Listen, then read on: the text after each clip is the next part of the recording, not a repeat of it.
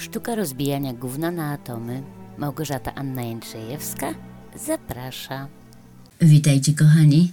Jest sobota 13 listopada, ale nie piątek, tylko właśnie sobota. Przepraszam, jeśli ktoś czekał wczoraj i się nie doczekał, ale niestety wróciłam z pracy koło 19 i nie dałam już rady nic, absolutnie nic zrobić. Padłam jak wafel.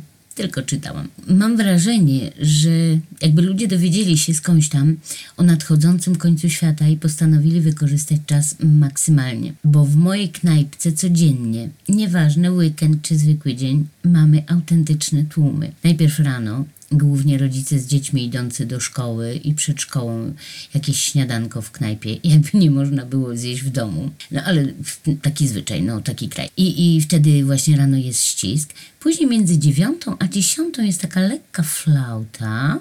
Tam pojedyncze osoby na kawkę wpadają. A potem, jak się zacznie, to po prostu leci do godziny 15, a w weekend do 16. Wszystkie stoliki pozajmowane a w porze lunchu kolejka na zewnątrz. Ludzie czekają na wolne miejsca po prostu. Obłęd w ciapki. No i teraz kuchnia na dole nie daje rady. Trzeba pomagać. Tym bardziej, że niestety, ale nowi ludzie nadal nie kwapią się z przyjściem do pracy. No i tym sposobem jestem przemęczona, ale pocieszam się, że zostało kilka tygodni i będą święta. Może nawet wezmę kilka dni urlopu i wypocznę. No ale tym sposobem odcinek jest dziś bo dziś wróciłam troszeczkę prędzej. No dobra, no to spróbuję coś opowiedzieć. Na zewnątrz 11 stopni, więc jest ciepło. 11 o godzinie, yy, gdy, gdy się zabierałam za to, czyli wieczorem. Ale ciemno w ciul, jak wracam o godzinie już 5, jest po prostu paskudnie ciemno, mój park jest nadal zamknięty. No, a dziś już 13, więc listopad rządzi na całego. Obiecałam, że będę mu wyznawać miłość temu listopadowi, ale trochę mi z tym idzie kulawo. Może dlatego, że nadal męczy mnie coś grypopodobnego, choć objawia się głównie tym moim cholernym kaszlem, o którym już chyba mówiłam, co? I ja naprawdę nie kumam tej sytuacji. 10 miesięcy nie palę i co? I dopiero teraz mój organizm się czyści. I, to, I to na tej zasadzie, że autentycznie czuję w gardle cały czas nikotynę. A może czekał na listopad właśnie, kiedy to z reguły łapałam jakieś infekcje. I po prostu przyszedł kaszel sobie tradycyjnie, tak jak co roku przychodził, a nie dlatego, że musiał. Nie mam pojęcia, choć zdaję sobie sprawę, że jego podłoże może być też nerwicowe, bo niejednokrotnie zauważyłam, że jak się czymś denerwuję, to albo coś z żołądkiem się dzieje, albo z głową, albo właśnie bierze mnie w swoje władanie kaszel. No ale to by znaczyło, że się czymś denerwuję, prawda? A ja naprawdę nie wiem, czym mogłabym się denerwować. Znaczy, generalnie pewnie by się znalazło, gdybym zaczęła coś szukać, poczynając od pracy, ale tak właściwie, gdy zaczynam szukać, to znajduję coś innego. I wczoraj coś takiego znalazłem, przeszło na dziś i tak myślę o tym od wczoraj. Bo wiecie, mam na fejsie kilka ciekawych osób, które obserwuję. Nie celebryci, ale osoby, które są w jakiś tam sposób znane i dla niektórych są celebrytami. Dla mnie nie, dla mnie to są inteligentne osoby, które warto obserwować. I do, do tych osób należy aktor młodego y, pokolenia Mateusz Damiński. Nie będę o nim opowiadać, bo generalnie jest znany. Wspomnę tylko, że ostatnio wszedł na ekrany kin film z nim w roli głównej, tytuł Furioza, a pan Mateusz gra osobnika, którego jak Boga kocham, nie chciałabym spotkać w ciemnej uliczce y, sam na sam. I przynajmniej z wyglądu, bo filmu nie oglądałam, więc nie wiem, jaką postać gra y, y, pan Mateusz, ale jeśli chodzi o wygląd, niciulutki nie chciałabym się z nim spotkać w ciemnej ulicy. No, ale pan Mateusz też zajmuje się promowaniem różnych akcji charytatywnych, a ostatnio zachęcał też mężczyzn do badania prostaty. I właśnie pod tym zdjęciem promującym akcję e, przeczytałam różne komentarze, bo często czytam komentarze, jestem ciekawa, co ludzie myślą na różne tematy. I jeden z tych komentarzy był na tyle ważny, że pan Mateusz zrobił z niego osobny post. Jeśli pozwolicie, przeczytam. I jest to trudna e, sprawa, trudny post i mam nadzieję, że, że nikt nie przyczepi się do mnie, że z tego, że to wykorzystuje. Ale jest to ogólnie dostępne, więc no myślę, że nie naruszam praw autorskich, tym bardziej, że no mówię, y, to napisała pani Monika, nie będę nazwiska y, przytaczała, bo to nieistotne, to można znaleźć y, u pana Mateusza, a właśnie post z tym komentarzem jest u pana Mateusza Damińskiego, można to u niego znaleźć na tablicy. Posłuchajcie. Ja od jakiegoś czasu głośno mówię o tym, że zostałam zgwałcona. I też spotykam się z tym, że nie powinnam. Wiem, że to trudny temat, taki wcale nie na topie. Ale napiszcie o gwałcie, o molestowaniu, o tym, jakie dziury wypala to w głowie, jak nie możesz sobie poradzić z tym, a wszyscy wokół mówią weź się w garść. A ty, a ty chcesz się zapaść pod ziemię, nie czuć nic, bo czujesz za dużo, emocje cię zalewają, nie radzisz sobie z powrotem wspomnień. Bliscy cię odrzucają, bo nie rozumieją, nie rozumieją, jak można bać się dotyku, jak można bać się wyjść ze znajomymi. Dobrze, gdy pójdziesz do psychoterapeuty i ten diagnozuje u ciebie PTSD. Cztery litery, a tak trudno z nimi żyć. Masz wrażenie, że cały wszechświat się nastawia przeciw tobie. A jak nie pójdziesz, też cierpisz, tylko samotnie. Zgwałconej osobie trudniej jest odnaleźć się w dzisiejszym świecie pełnym seksu na każdym kroku. Wiecie, jak trudno słuchać, że ludziom to się w głowach poprzewracało i paniusia gwałt po latach zgłasza, żeby koło dupy kolesiowi zrobić. A ty siedzisz i wyjesz sobie, bo do ciebie wróciło po 15 latach. Bo zgwałcił cię wujek. I wiedziałaś, że nie powiesz nikomu, bo nikt nie uwierzy dziesięciolatce. A później wyparłaś. Na tak długo, że nawet zdążyłaś cieszyć się seksem, zaufaniem. Aż wróciło. Partner cię nie rozumie, przyjaciele nie rozumieją, znajomi się odsunęli. Dodatkowo rodzina cię wykleła, bo przecież kuzyn taki dobry i co niedzielę chodził do kościoła. Co powiedzą sąsiedzi? Policjanci traktują cię jak kosmitę, ale dlaczego dopiero teraz chcę zgłosić? A ja się topię w tym wszystkim.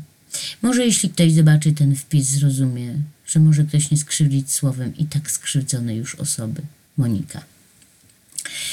Y, Gdy, przepraszam, ale się wzruszyłam po raz kolejny, gdy to czytam. Gdy przeczytałam ten komentarz, bardzo chciałam napisać do tej dziewczyny. Wesprzeć ją dobrym słowem i. i nie mogłam. Bałam się, że napiszę coś, co może zostać źle zrozumiane, bo przecież nie zawsze język giętki powie to, co pomyśli głowa. Gdy mamy z kimś kontakt realny, zawsze możemy zaobserwować dodatkowo mowę ciała, nie wiem, słyszymy intonację, tembr głosu, e, oczy.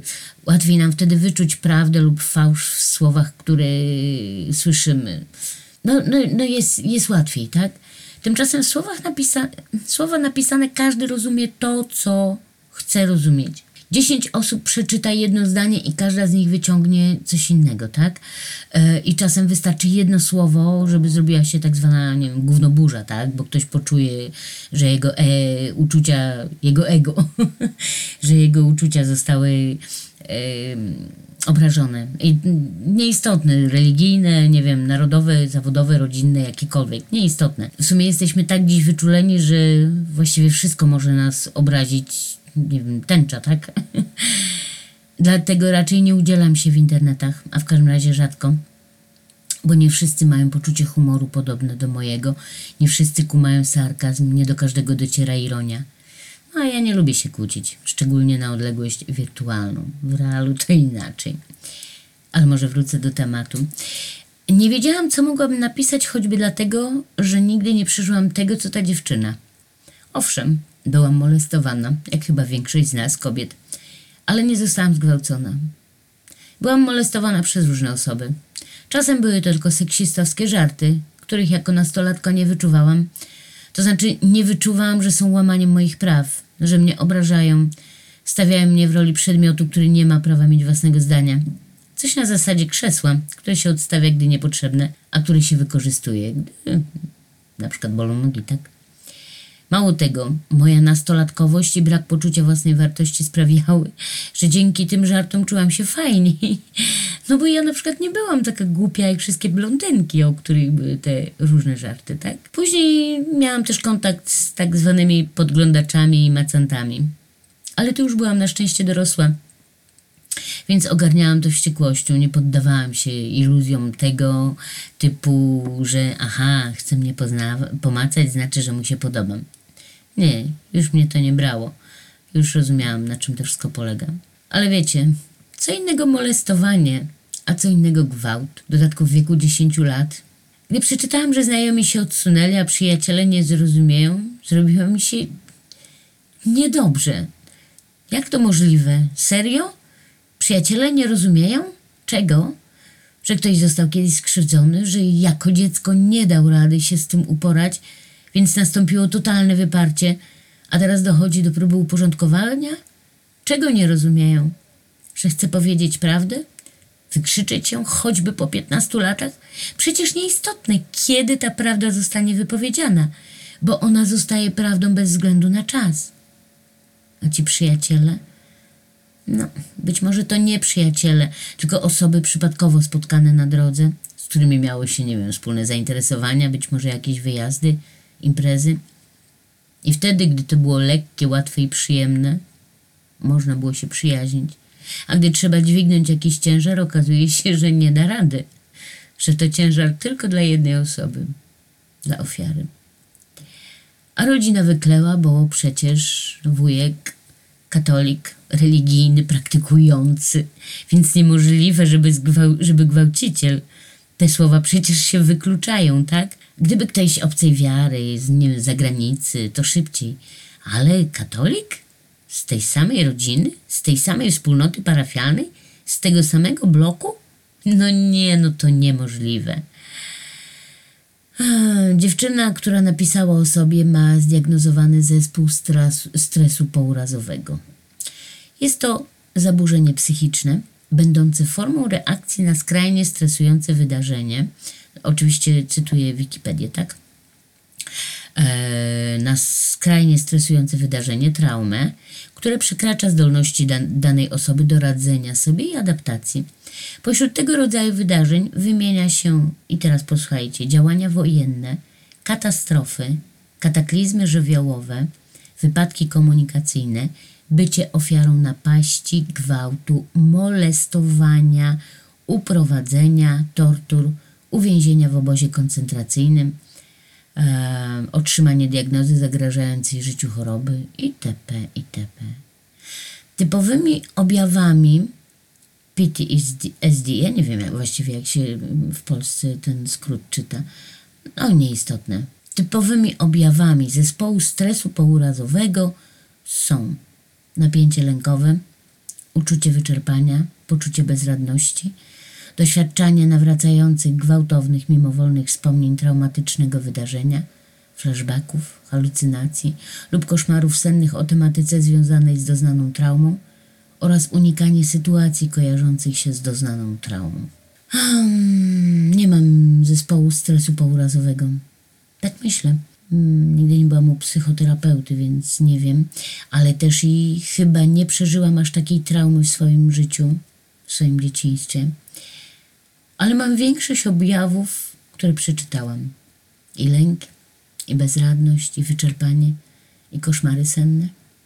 Mogę z tym żyć, choć nie zawsze jest łatwo, ale nie mam za sobą takiej traumy jak ta dziewczyna. Nie pojawiają mi się w zwykłych sytuacjach życiowych flashbacki, choćby gdy ktoś dotknie mnie z nienacka.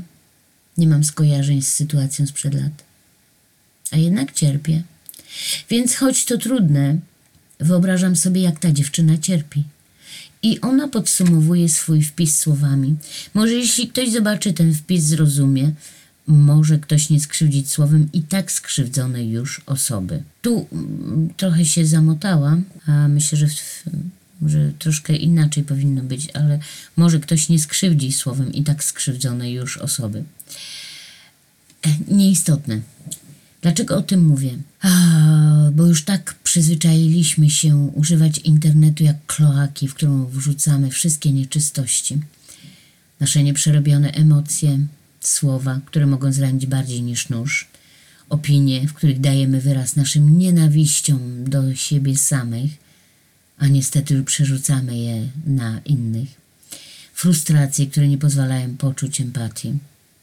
I szukamy w tym internecie miejsca, gdzie możemy wyżyć się za nasze krzywdy, za to, że nam nie wyszło coś, co sobie planowaliśmy, za nieudane życie, za paskudnych partnerów, wrednych szefów, parszywe teściowe, nieudane dzieci i głupich ludzi wokół nas. I często wtedy trafiamy na kogoś takiego jak ta dziewczyna, którą ktoś kiedyś zgwałcił, albo chłopaka, który popełnił samobójstwo, bo był gejem i nie dawał sobie rady w środowisku, albo na matkę z dzieckiem niepełnosprawnym, która szuka pomocy, bo sama nie daje rady. Znaczy, sama nie, w sensie sama nie daje rady, bo państwo nie, nie wspiera, tak? Albo na owsiaka i orkiestrę. Albo na kogoś, kto generalnie myśli inaczej niż uważamy, że powinien. Mam w sobie wiele empatii i wiem o tym, że ją mam. I gdy rozmawiam z kimś realnie, potrafię dać wyraz tej empatii. Ale gdy mam napisać do kogoś, czasami mam z tym problem. Mimo, że generalnie z pisaniem problemów nie mam. Ale tu tak, bo czasami można powiedzieć o jedno słowo za dużo, albo dać taką zbitkę słów, że ktoś po prostu odczyta ją inaczej. Może więc wszyscy zacznijmy się zastanawiać, czy jesteśmy w stanie napisać to, co naprawdę czujemy, ale tak, żeby przy okazji wykazać się empatią i nie zrobić nikomu krzywdy swoimi takimi osądami. Pozdrawiam Was serdecznie i życzę radosnej niedzieli. Niech Wam będzie najpiękniejszym dniem tygodnia. Pa, kochani, i do usłyszenia.